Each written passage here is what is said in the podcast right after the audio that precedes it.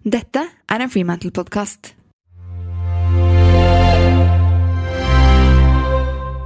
Du må ikke gi andre mennesker makt til å påvirke nervesystemet ditt hele tiden. Du må selv bestemme hva du mener fortjener å påvirke deg.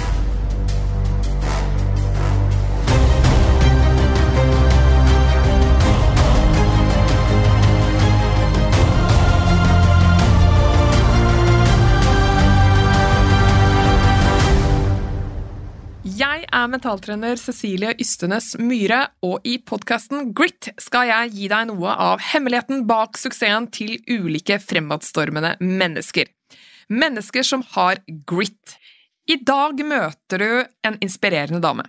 Kristin Skogen Lund er konsernsjef i Skipsted og har tidligere vært administrerende direktør i NHO. Hun har også vært administrerende direktør i Aftenposten, konserndirektør i Telenor og visepresident og president i NHO. Hun er kjent som en av Norges mektigste kvinner, og er kjent for å ha masse mot og styrke i sitt lederskap. Det jeg er spent på, er hvor bevisst eh, Kristin har vært på å trene opp sin egen robusthet for å tåle arbeidslivet, om hun mener det er essensielt for å nå målene sine raskt og effektivt, og i hvilken grad hun har gjort det, og hvordan hun har gjort det. Velkommen til eh, Grit, eh, Kristin. Veldig hyggelig å ha deg her.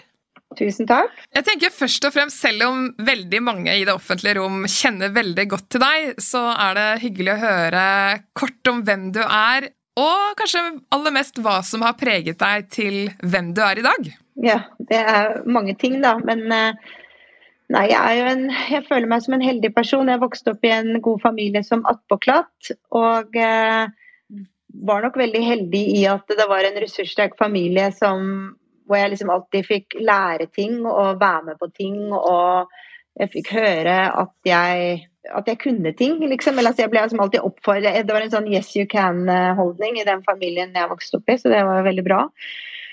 Og så levde jeg et var jeg ganske sånn nerdebarn. Eh, og så kom jeg på skolen, og så sluttet jeg veldig brått med å være det. Ble vel ikke akkurat så veldig sånn inspirert til å gjøre en ekstra innsats i det skolesystemet som var i Norge på 70-tallet. Så da ble jeg litt sånn slappfisk, rett og slett. Og det varte vel litt ut den skolegangen. Og så begynte jeg på universitet i USA, og der fikk jeg litt, kanskje litt den der amerikanske greia med at uh, alle skal tro de er noe, liksom. Så da ble jeg igjen litt sånn stimulert å tenke at jøss, jeg kan jo faktisk kanskje være ganske flink, og begynte å jobbe mye mer systematisk med, med skolearbeid og sånn. Så jeg endte med å få en god eksamen der som gjorde at jeg da kom inn på INSIAD senere, som gjør et ganske Eller kjent som verdens beste MBA-program. Og, og, og, da var jeg på en måte litt sånn i den der, kall det gruppen med folk som, som skal ha ambisjoner, på en måte. Så da blir man jo oppsøkt av ulike firmaer og rekruttert og alt mulig sånn. Så det var vel et slags viktig springbrett, da. Og så hadde jeg litt ulike jobber opp gjennom 20-årene eh, og fant formen etter hvert, vil jeg si. Og sånn helt personlig så har jeg som alle andre vært eh, usikker på mange ting, men kanskje funnet tryggheten etter hvert som jeg har blitt mer moden og fått bekreftelse og sett at jeg har klart å mestre ting. Og så vil jeg bare avslutningsvis si at jeg har vært skikkelig heldig med å være omgitt av folk som har villet meg vel. Fra familien min til venner og mannen min og sjefer og kollegaer. Og liksom jeg, jeg, føler at jeg har vært omgitt av mye godvilje i mitt liv, og det har nok hjulpet veldig. Denne godviljen, hva vil du si den har bestått av? Vet du hva, Jeg har hatt en opplevelse at folk har liksom ønsket og unnet meg å lykkes. Jeg har ikke følt meg motarbeidet. Jeg synes Det har vært lite politikk og folk som har gått bak rygg og folk som liksom har prøvd å gjøre det vanskelig for deg. Sånn. Jeg, jeg, opplever at jeg på mange måter har hatt eh, rake pucker rundt meg. Folk som, solide folk som har vært rause og, og, og syns at, at det har vært fint, at det har gått bra. Er det sånn at det da har gjort at det er lettere for deg å ta et risiko og begitt deg ut på oppgaver og ting som du ellers kanskje ikke ville gjort, hvis ikke du hadde hatt den støtten? Ja, det kan nok hende. At jeg, liksom, jeg har hatt min egen lille velferdsstat rundt meg på den måten at jeg har, vært liksom, Jeg ville blitt plukket opp hvis det hadde gått riktig galt, det tror jeg nok. Men, men samtidig så skal jeg erkjenne at jeg er nok også veldig ærgjerrig. Altså Jeg hadde nok ikke Jeg skal ikke påstå at jeg hadde taklet veldig bra å gå skikkelig på trynet. Jeg tror ikke, jeg tror ikke det hadde vært lett for meg. Så du kan si jeg har nok vært min egen pisk da, i ganske høy grad også. Jeg er en sånn merkelig miks av at jeg på den ene siden har turt å ta ganske sånn stor risiko, hoppet inn i nye roller, ofte litt sånn på lykke og fromme. Og jeg, er, jeg, jeg, bare lever i nuet og durer på og er ikke så veldig redd for hva som kan gå galt. Og tenker liksom ikke så fælt på det. Så jeg er jo, er jo blitt erklært som en veldig unevrotisk person, og det er riktig. Men samtidig så det er kombinert med at jeg selv nok er knallhard med meg selv, og ikke ville tillate meg selv å feile i særlig stor grad. Så det er en sånn dualitet i det der som jeg ikke helt har forstått meg på selv. ja. Men hvis jeg hadde gått tilbake 20 år og møtt deg da, hva er forskjellen på hun som sitter foran meg i dag, og hun? Altså For 20 år siden da var jeg liksom allerede gått inn i lederkarrieren og hadde fått mine første barn. og liksom da, da, var jeg en yngre utgave av det jeg, den jeg er nå. Kanskje litt mindre trygg og rolig. Men på den annen side kanskje med enda litt mer ærgjerrighet og energi. ikke sant? Men hvis du hadde tatt ti år tilbake fra det igjen, så hadde du nok møtt en person som var ganske forskjellig.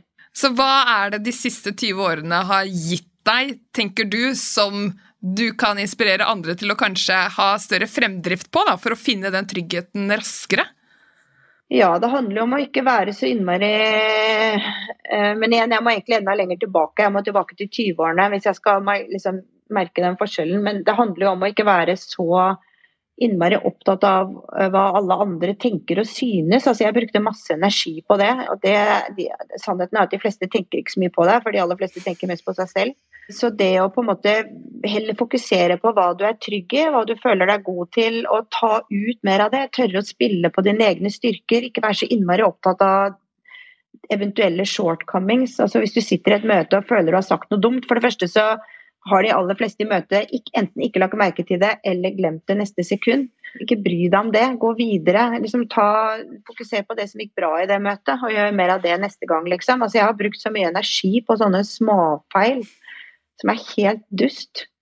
Så det der med den der å finne den tryggheten og tørre å ta ut sine egne greier Jeg husker veldig godt da jeg kom inn i NHO-systemet, så hadde jeg en sånn der idé om at jeg skulle være som Finn Bergesen, liksom. Han gamle NHO-sjefen.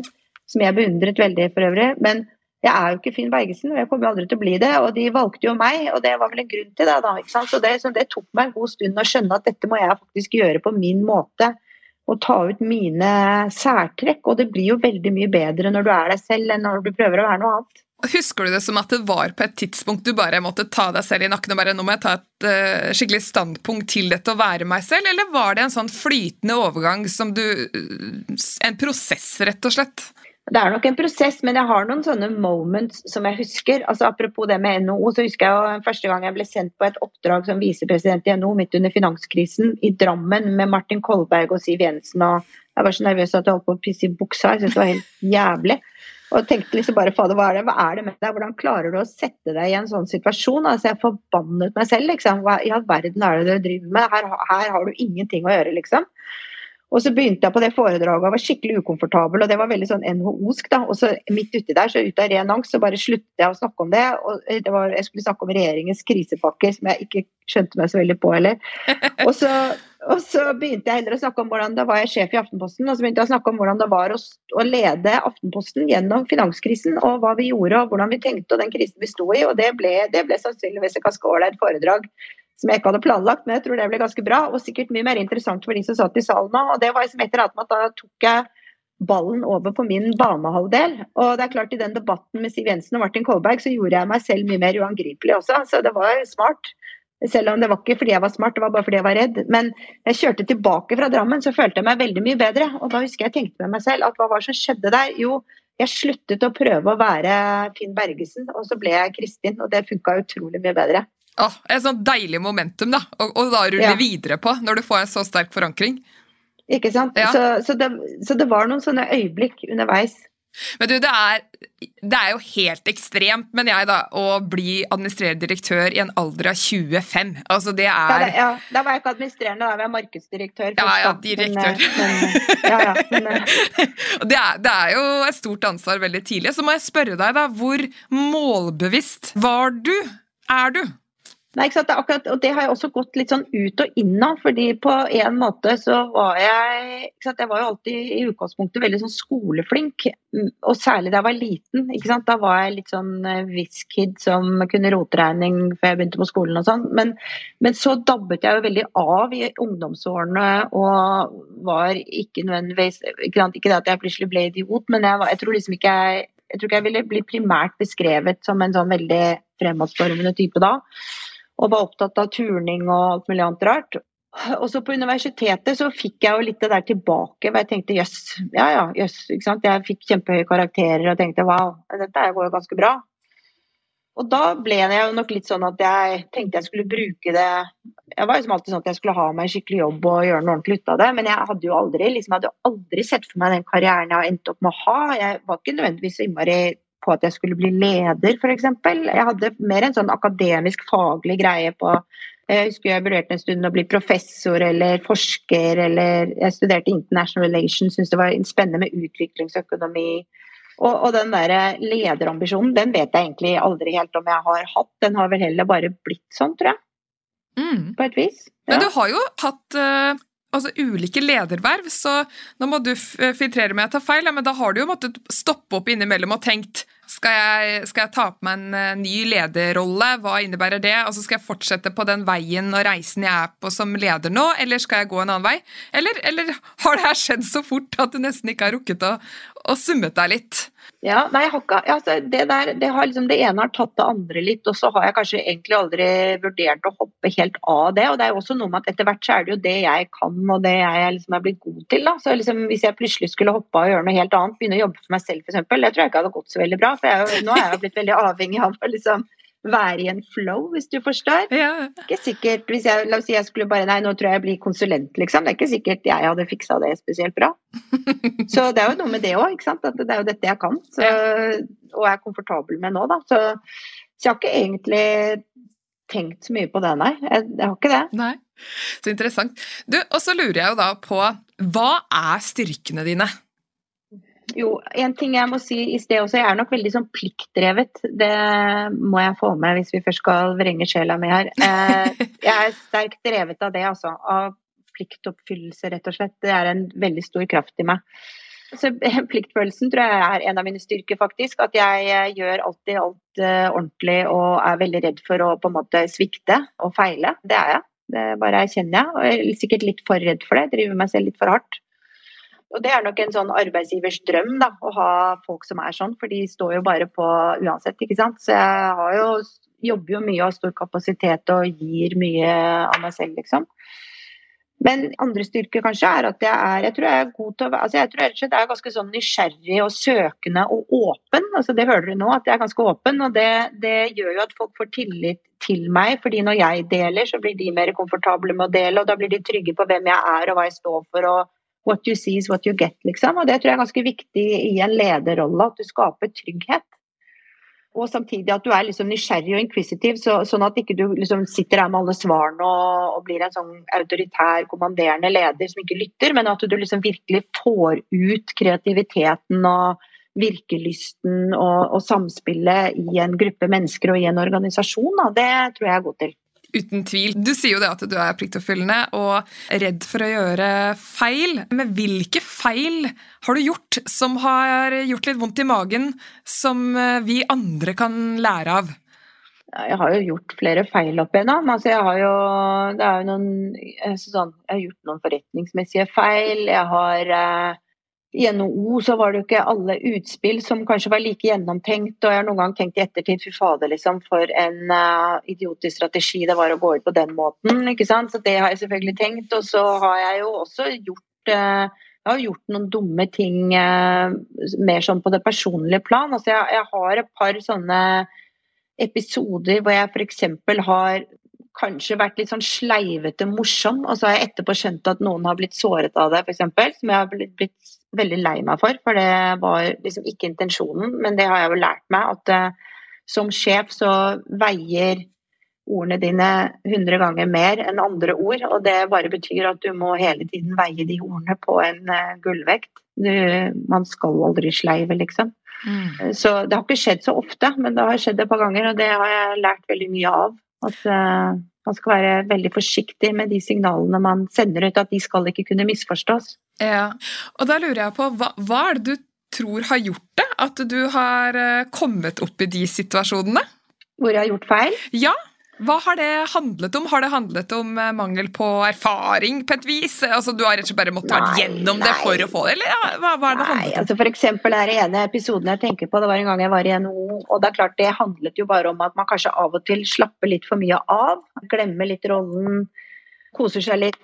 Liksom, å ja, nå har vi det litt gøy her, og så blir du litt med med noen sleivete kommentarer som bare er ment morsomme, men som kan tolke, som i det tilfellet kunne tolkes annerledes. Så det det var bare litt dumt, rett og slett. Altså, så ubetenksomhet. Det er ikke så ofte jeg bommer på det, men jeg, altså, innimellom så er, glemmer man seg litt, eller er ubetenksom, eller har liksom ikke tenkt på alle innfallsvinklene som tar imot det du sier. Da. Altså, folk kommer jo fra helt andre perspektiv noen ganger og tolker det du sier på en helt annen måte som ikke du har tenkt var mulig, men så er det det. Og, da, og det er mitt ansvar. Jeg, mm. Som leder så må jeg ta ansvar for det hele tiden. Ja. Det, du, er, eh, du, har lederhatten på i alle rom. Mm. Det er mange som kan mm. glemme det. I hvert fall i de mer uformelle settingene. Men da er jeg jo litt nysgjerrig på deg privat og deg i det offentlige rom. Er det noe forskjell? I så fall ja, nei og hvorfor? Ja, nei, det er ikke så veldig stor forskjell. Og, og, jeg går kanskje ikke sånn Jeg går ikke akkurat rundt og ikler meg en sånn rolle i det offentlige rom og tenker at det er noe annet. Det er, liksom, det er jo på en måte meg, men det er jo bare jobben min også. Det er jo ikke hele meg. Og det, jeg, og det var kanskje særlig viktig å huske på da jeg var NHO-sjef. og jeg, Nå er jeg jo ikke så mye i det offentlige rom, men som NHO-sjef så blir man jo utrolig identifisert med jobben sin hele tiden. Og det var jeg veldig bevisst på. At jeg måtte liksom ikke bli NHO, og NHO måtte ikke bli meg. Derfor så tror jeg også det er lurt å gi seg tid i sånne jobber. Etter en stund så skal andre få slippe til, nettopp for å unngå det der. Så jeg har alltid prøvd å ha en sånn profesjonell avstand til det jeg gjør selv om det er meg du ser, og, og, det er liksom Jeg er ikke falsk, jeg er ikke noe annet. Jeg kler ikke på meg noe kunstig, men, men jeg prøver å ha en sånn liksom, profesjonell avstand i det, da. Mm. Men det resonnerer, det. Du, eh, vi må snakke litt om mental styrke og mental utholdenhet. Hvor viktig er det for deg? Det er ekstremt viktig, og, og der, eh, der, er jeg nok litt ekstrem. Altså. Jeg, det kommer tilbake til den plikten og selvpisken. Altså, jeg kan, jeg kan drive meg selv helt hinsides hardt uten at det knekker. Og hvor mye av det mener du ligger litt i din personlighet versus hardt arbeid og sosial påvirkning opp gjennom årene? Jeg tror mye av det ligger i min personlighet. Jeg tror mye av det handler om familien jeg kommer fra. Jeg tror det handler om en far som overlevde tre år i konsentrasjonsleir, og, altså det, og en, en standard jeg umulig kunne leve opp til, liksom. Heldigvis så skal vi ingen av oss leve opp til det. Men men altså bare det der å vite at uh, det forbildet ditt hadde tålt det umenneskelige, liksom. Så bare sånn uansett hva jeg ble utsatt for, så kan det aldri sammenlignes med det. Satt et perspektiv? Det, ja, det tror, jeg, det tror jeg at jeg er veldig preget av. Og så har jeg denne ansvarsfølelsen, da. Altså liksom, jeg føler nok veldig på det. Både i forhold til jobben, men også i forhold til familien, storfamilien, venner. Altså, jeg skal aldri bli altså, Det er ikke jeg som knekker, det er jeg som skal sørge for at alt går bra. Liksom. Jeg har, har nok bare veldig den personligheten. Og det da, å ha den personligheten, jobbe hardt osv., da, da står du jo i mange situasjoner som er ganske krevende. Kan vi få lov til å få et litt sånn innblikk i hva tenker du da? Når ting er krevende? Ja, i, når, når, ting virkelig drar seg til. Ja, jeg må bare forte meg å si noe. for Når jeg sitter og snakker sånn denne måten, her, så kan det høres ut som jeg har en sånn slags forakt for svakhet. Og det, har, det må jeg bare virkelig få si at det har jeg ikke. Men jeg har eh, For dette er noe som handler om meg, det er ikke noe jeg projiserer på andre. Så det er bare litt viktig for meg å få sagt, for det kan høres veldig usympatisk ut, på en måte, det jeg sier. Men spørsmålet ditt, hvordan jeg føler det når det er tøft? Nei, jeg kan bli veldig lei meg og, og lei meg og lei. Det er to forskjellige ting. Litt det kan jeg. Men det går ganske fort over. Jeg er ganske sånn flink til å riste det av meg. på et vis, og gå videre. Hvordan gjør du det? Nå, nå, går jeg veldig på detaljene, men det er jo litt der Det er så lett å si til andre da må du bare riste det av deg, så går du videre. Men det er faktisk noen av dere som er gode på å gjøre det, og dere har jo en eller annen form for oppskrift. Jeg er litt opptatt av hvordan du gjør det, hvordan du tenker. Sånn at du kan gå videre og ta på deg neste utfordring ja. rundt hjørnet. Ja, For det første så går de fleste ting over, og de går faktisk over. Og da, da gjør du ingen en tjeneste ved å holde det i live, på en måte litt det der personlighetstrekket mitt med at jeg lever veldig i nuet og er veldig til stede her og nå og opptatt av det, og så går jeg videre, og, så, og da går jeg faktisk videre. Og de, den, den, evnen den hjelper jo også på de tingene du ønsker å legge bak deg, da, ikke sant. Og så er det jo ofte lurt å bare sant, Hvis det er en eller annen episode eller en relasjon som har gått skeis, eller et eller annet som har skjedd, så er, det jo veldig god terapi i å faktisk snakke om det og bearbeide det. Da. Da, det gjør det jo lettere hvis ikke det ligger igjen som en sånn slags verkebyll, men du faktisk tør å stikke hull på den og ta den gørra som kommer ut. Så er jo det ofte en veldig god metodikk for å klare å gå videre. Har du lav terskel for å be om hjelp? Det kommer litt an på. Jeg har veldig lav terskel for å be om innspill og synspunkter og råd og alt mulig sånn, men liksom sånn hjelp er noe annet, kanskje. Det har jeg nok en høyere terskel for. Og jeg er nok ikke sånn at jeg liker å stå i takknemlighetsgjeld til noen heller. Nei, tenker du på det som det, da? Og jeg liker ikke å være, ja, jeg gjør ja. det, så liker, jeg være, så liker jeg ikke å være avhengig av noen. Jeg liker ikke å skylde noen noe. Nei. Nei, så, så, ja, du tenker faktisk sånn at hvis noen hjelper meg, da, da står det på en konto som, som må returneres? Ja, ikke så transaktionelt som det, men eh, Og det er klart, jeg har jo folk som har gitt meg mer enn jeg har hatt anledning til å gi dem opp gjennom livet. Det har jeg jo. Jeg står jo i voldsom takknemlighetsgjeld til f.eks. storfamilien min. Da vi, sant, vi, fikk jo fire barn veldig tett, og jeg kan jo aldri på en måte betale, betale tilbake den hjelpen og den støtten vi fikk i den perioden der, f.eks. Så det er klart jeg, og, men det er, liksom, det er familie, og det er godt, og det er liksom slekters gang. og det kommer jeg til å betale tilbake som bestemor selv en dag. ikke sant? Altså Det er litt mer sånn det der fungerer, da. Ja. Jeg er nok ikke en sånn som bare tar imot og syns at det er greit, nei. nei. Jeg, er ikke så glad i det. Og så lurer jeg på, gjennom karrieren din med høy arbeidsmoral, mye hardt arbeid, har du noen gang vært nær veggen? Har du, har du skrapt litt på den? Ja, én gang. Det var i 2003-2004.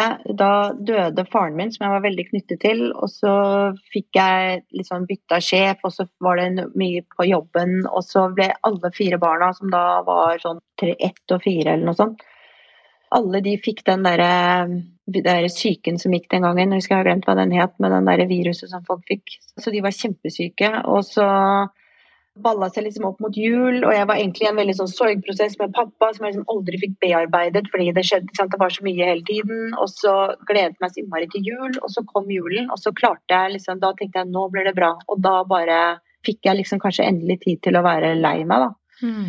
Så jeg kom meg liksom ikke opp.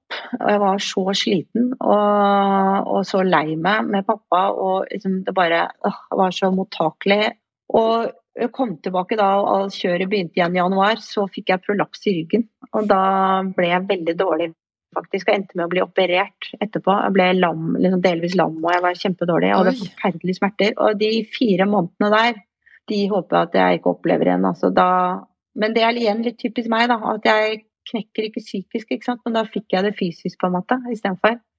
Mm. Men det var en uh, veldig veldig tøff tid. Og med fire så små barn så er det ikke så lett å ligge i fosterstilling og spy av smerte. Så det var helt grusomt. Ja, det, det, kan jeg forstå. Justerte du deg på et vis etter det?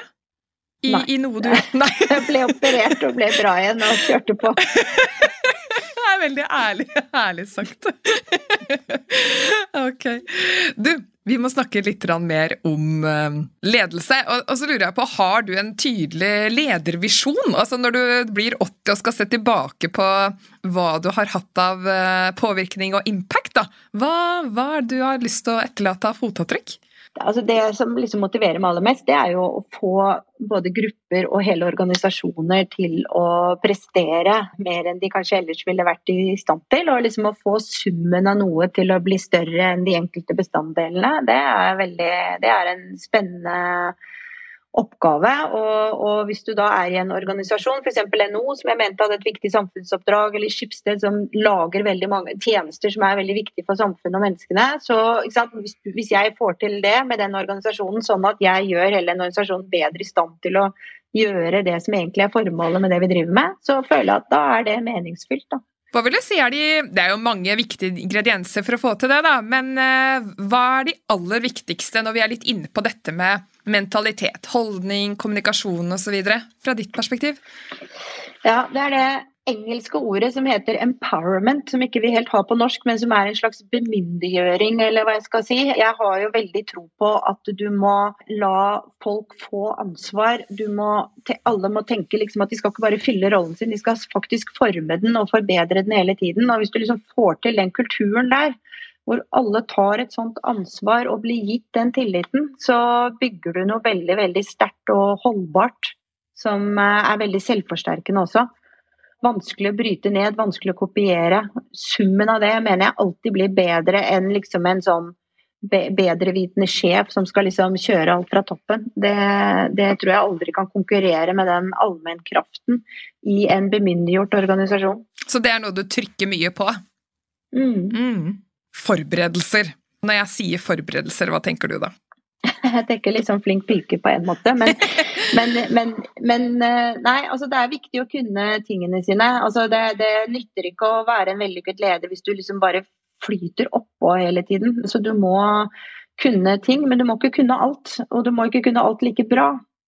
Og så er det greit å være ærlig på det du ikke vet, og stille spørsmål. Og i hvert fall ikke late som du vet noe du ikke vet. Det er veldig dumt.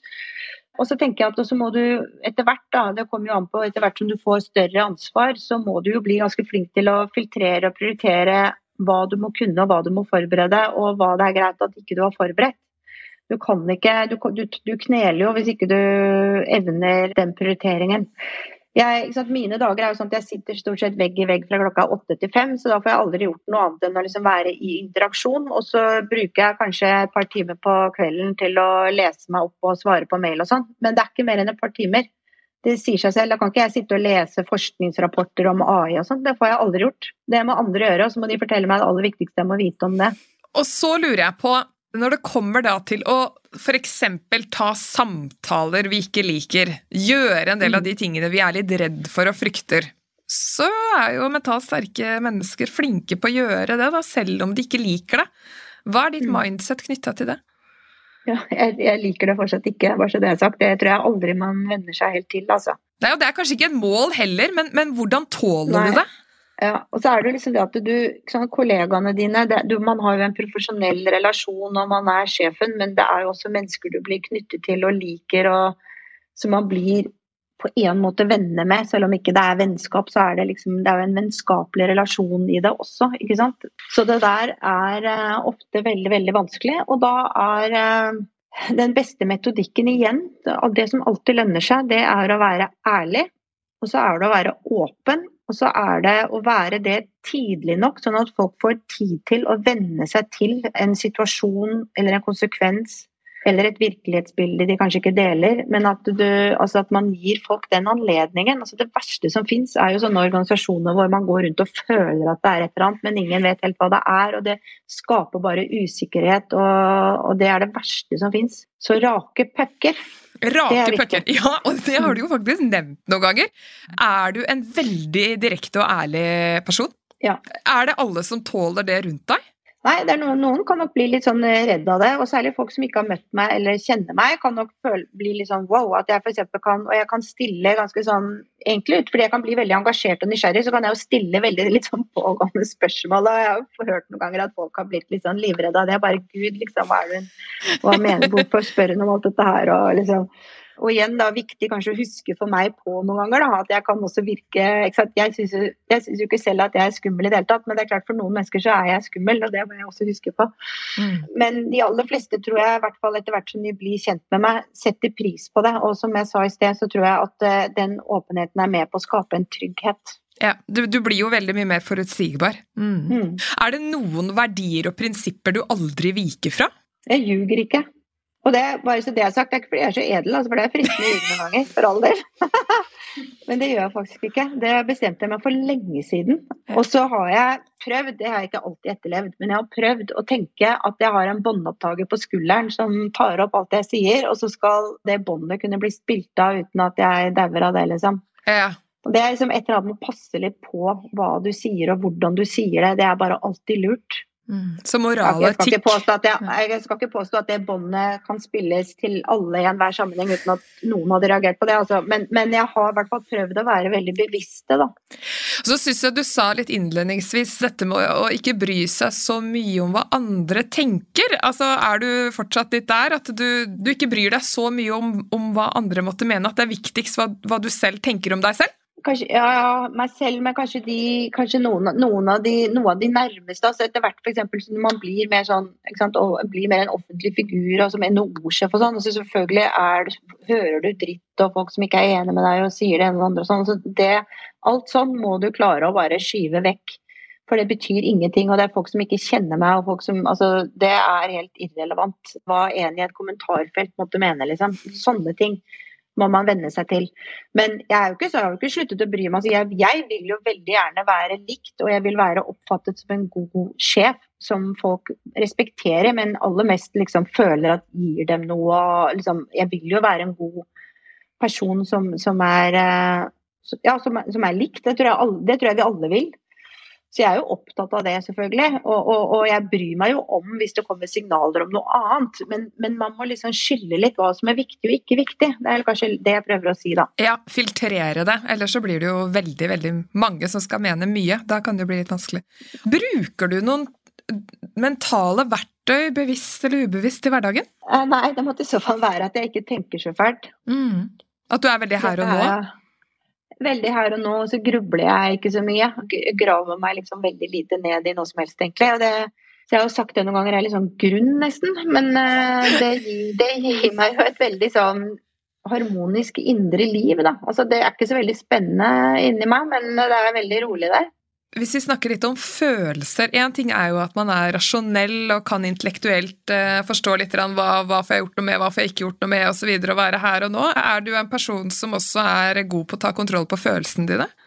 Ja, mer og mer kanskje, men jeg er jo jeg er jo en, jeg er en litt emosjonell person nå, altså, og, jeg, og ikke minst kan jeg bli liksom veldig begeistret. Det er jo den positive siden av det. Altså, jeg, liksom, jeg blir oppriktig begeistret og engasjert, og ikke minst er jeg veldig opptatt av, av mennesker. Jeg blir aldri lei av å høre på folks historier og liksom forstå mennesker rundt meg. Sånn. Det syns jeg er kjempegøy. Så jeg kunne kanskje vært psykolog, egentlig, på en måte. Jeg tror jeg, Da hadde jeg liksom aldri blitt lei av jobben min. Men, men, men jeg kan jo også være emosjonell med at jeg kan bli Jeg kan jo bli forutinnrettet, og jeg kan være litt sånn eh, Jeg kan nok være litt sånn tyrkete når, hvis jeg føler at folk svikter, eller jeg blir skuffet over folk, eller det, det har jeg ikke spesielt høy toleranse for. Og, og da kan jeg bli skuffet, skråstrek lei meg, og da kan det sitte litt, altså. Ja. Det må jeg innrømme. Da er jeg kanskje ikke alltid like raus. Jeg har, liksom blitt skikkelig skuffet over noen folk opp igjennom, og det liker jeg utrolig dårlig. Det faktum at du blir skuffet, eller, eller det å sitte og være veldig lei seg, er det Nei, det at, nei, det at, folk, at jeg føler Mm. at folk svikter, eller liksom noen som f.eks. har gjort noe som jeg har opplevd som ekstremt egoistisk, og, eller folk som ikke har vært ærlige med meg, eller altså sånne ting, det misliker jeg veldig sterkt. Og da kan jeg bli, kan jeg bli liksom litt sånn emosjon, negativt emosjonelt berørt. Da. Så jeg, blir, jeg kan bli på en måte både sånn forutrettet, men også skuffet og lei meg. på en måte. Og de, det sitter litt i. Da er, er det ikke alltid at jeg har ristet av meg det neste dag. for å si det sånn. Nei, da har det gått veldig på verdiene dine. Men jeg har lyst til å snakke litt om temperament og sinne osv., for det er jo sånn type en følelse noen kan være litt redd. Og på toppen, der kan det blåse litt. Der eh, kan det være litt temperament. Eh, Jeg har bare lyst til å høre ditt forhold til det. Ja, jeg mener selv da at jeg er en veldig behersket person. Ikke sikkert alle ville skrive under på det, men jeg, jeg liker å tro det. Særlig i jobbsammenheng så, så er jeg behersket og besinnet stort sett. Og liksom ja, begynner ikke å skrike eller gråte eller Altså, jeg er ikke sånn i det hele tatt. Og jeg liker egentlig det veldig dårlig hos folk som ikke altså jeg, jeg kan ikke fordra folk som blir oppfarende og, og liksom Det er jo en hersketeknikk, ikke sant. Liksom folk blir redde for deg fordi du blir uforutsigbar og sånn. Altså jeg kan ikke fordra folk som oppfører seg sånn. Det er helt håpløst. Så jeg liker ikke det, og bestreber meg på å ikke være sånn. Så er det klart, så kan jeg bli som sagt engasjert, og, og jeg kan jo også bli litt sånn forbanna noen ganger, men det, det, slår Jeg håper virkelig ikke at noen har opplevd at det slår ut i at jeg da blir ubehagelig eller uh, høyrøstet eller uh, slår i bordet eller sier slemme ting eller sånn. Så det gjør jeg ikke, altså. Nei, Men dette sterke engasjementet og temperament, når du har møtt det i andre mennesker, hvordan påvirker det deg? Altså, Du har jo bodd i USA også. Det, det, er jo kanskje også der en kultur for å være enda mer Ja, jeg liker ikke det. Jeg, jeg, og jeg liker, altså, jeg liker, ikke folk som ikke kan beherske seg. Mm. Jeg er ikke noe glad i det. Nei. Hvilke råd vil du gi til andre som tenker at uh, ja, kanskje ikke er like blest med å ha en personlighet som har uh, mye mental styrke i seg, men som, som, har lyst til å trene seg opp til det, slik at de kan ta på seg oppgaver og roller i livet mm. som, uh, som, kanskje gjør at de får ut mer av potensialet sitt? da? Ja, å, ja. Jeg, jeg, kjenner mange kjempeflinke folk som uh, som dessverre ikke er eh, psykologisk robuste nok. Da. Det er ikke mange, men jeg har sett noen gode eksempler på det. Og som oftest så handler det om å, å klare det der å ikke bli liksom, Altså klare å ha litt større avstand. Og ikke bli med liksom, på alle opp- og ned-greiene. Og ikke ta liksom enhver enhver greie som kommer som kan være litt negativ. Du kan ikke ta en tur i kjelleren uh, hver gang. Og, og, hvis du, la oss si du sitter sånn, sant, er, en, er, et stort potensial, da, og folk vurderer liksom om de skal ta deg til neste nivå. Hvis du er en person som folk føler at de hele tiden må ta litt sånn hensyn til, for vi vet jo ikke helt hvordan hun eller han vil reagere på dette her. Altså, da, det kan være nok til at du ikke får de mulighetene.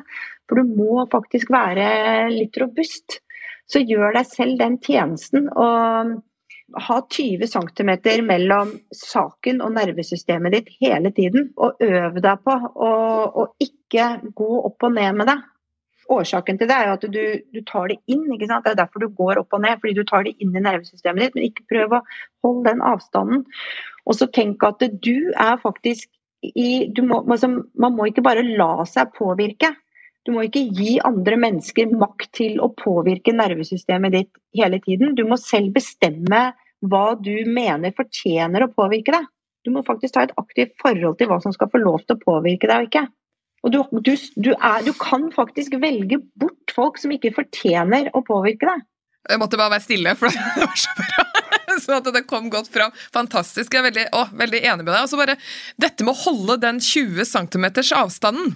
Hvordan? Bare det å bli, bli, bevisst på det. altså Tenk på det. altså Det er, en, 20, det er 20 cm luft mellom deg og alt som skjer på jobben din. altså bare, Hvis du bare prøver hele tiden å tenke på det helt sånn fysisk, mentalt, så kanskje bare det hjelper, liksom. Og så når du merker at du begynner å gire deg opp, så bare OK, er det inne i systemet mitt nå? Eller da, ok, da skyver jeg det 20 cm ut. Bare prøv å tenke på det. Kjempebra. Tusen takk for at du tok deg tid, Kristin. Det har vært kjempeinspirerende å høre på deg. Fint, så hyggelig, da. Bra. Takk skal dere ha.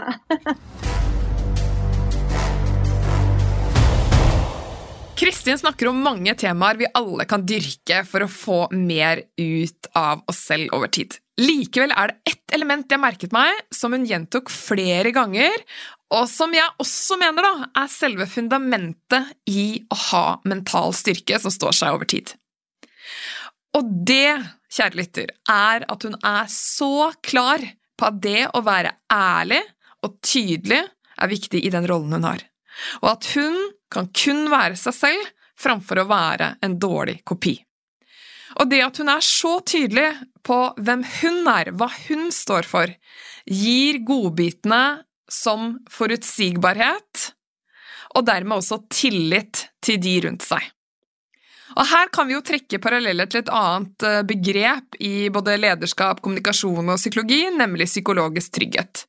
Psykologisk trygghet er jo kjent for å være en av hovedingrediensene til å skape en kultur i og rundt oss selv for å prestere maks, lære mye og det å tåle å gå på trynet. At Kristin vektlegger dette så mye, syns jeg er veldig gøy, og det bringer meg over på dagens øvelse, der du skal få trening i å artikulere tydeligere til dine omgivelser om hvem du er, og hva du står for, slik at folk ikke lurer på hvor de har deg.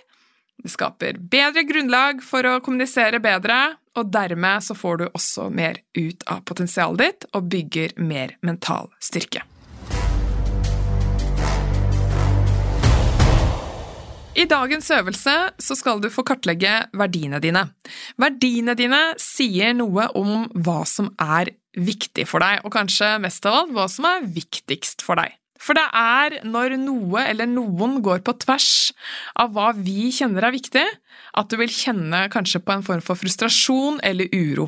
Og så er det når du samarbeider med noe eller noen hvor du kjenner på flyt og god stemning, og dette her, åh, dette her, nå er vi inne på noe som er bra, noe som er viktig, da er det sannsynligvis fordi at du kjenner at verdigrunnlaget ditt er i harmoni. Men det å kunne klare å artikulere hvem er du, hva står du for, altså hva er dine verdier? Det er ganske viktig. Og hvis du klarer å være god på det i tidlige samarbeid, i relasjoner der det handler om å bli litt raskt kjent, så vil jo jeg oppfordre deg til at du klarer å si noe om hva verdiene dine er, og hvordan de kommer til å komme til uttrykk. For da vil folk vite mer om hvem du er, hva du står for, og med andre ord hvorfor du reagerer som du reagerer. Så det du nå skal gjøre, er at du skal ta en samtale med en person du er trygg på, og som du vet er ærlig. Spør personen hva synes du kjennetegner meg? Hva er det du registrerer gjør meg glad? Hva er det du ser gjør meg frustrert? Deretter kan du gjøre deg en refleksjon om dette er verdier du synes samstemmer med hva du selv har tenkt. Deretter skriver du ned disse verdiene og hvordan de kommer til uttrykk i hverdagen. Så synes jeg faktisk at du skal rangere verdiene dine fordi noen ganger så kan verdier komme litt i konflikt med hverandre. Men hvis du i et rolig, litt mer objektivt øyeblikk bestemmer deg for hvem som er aller viktigst, så kan du i selve situasjonen ta et verdivalg basert på hva du vet er aller viktigst. Så starter jo da den største testen – trene og praktisere i med- og motgang. Lykke til! Og flere øvelser som dette her finner du i boken min Mental styrketrening, eller boken Stå støtt som kommer i slutten av april.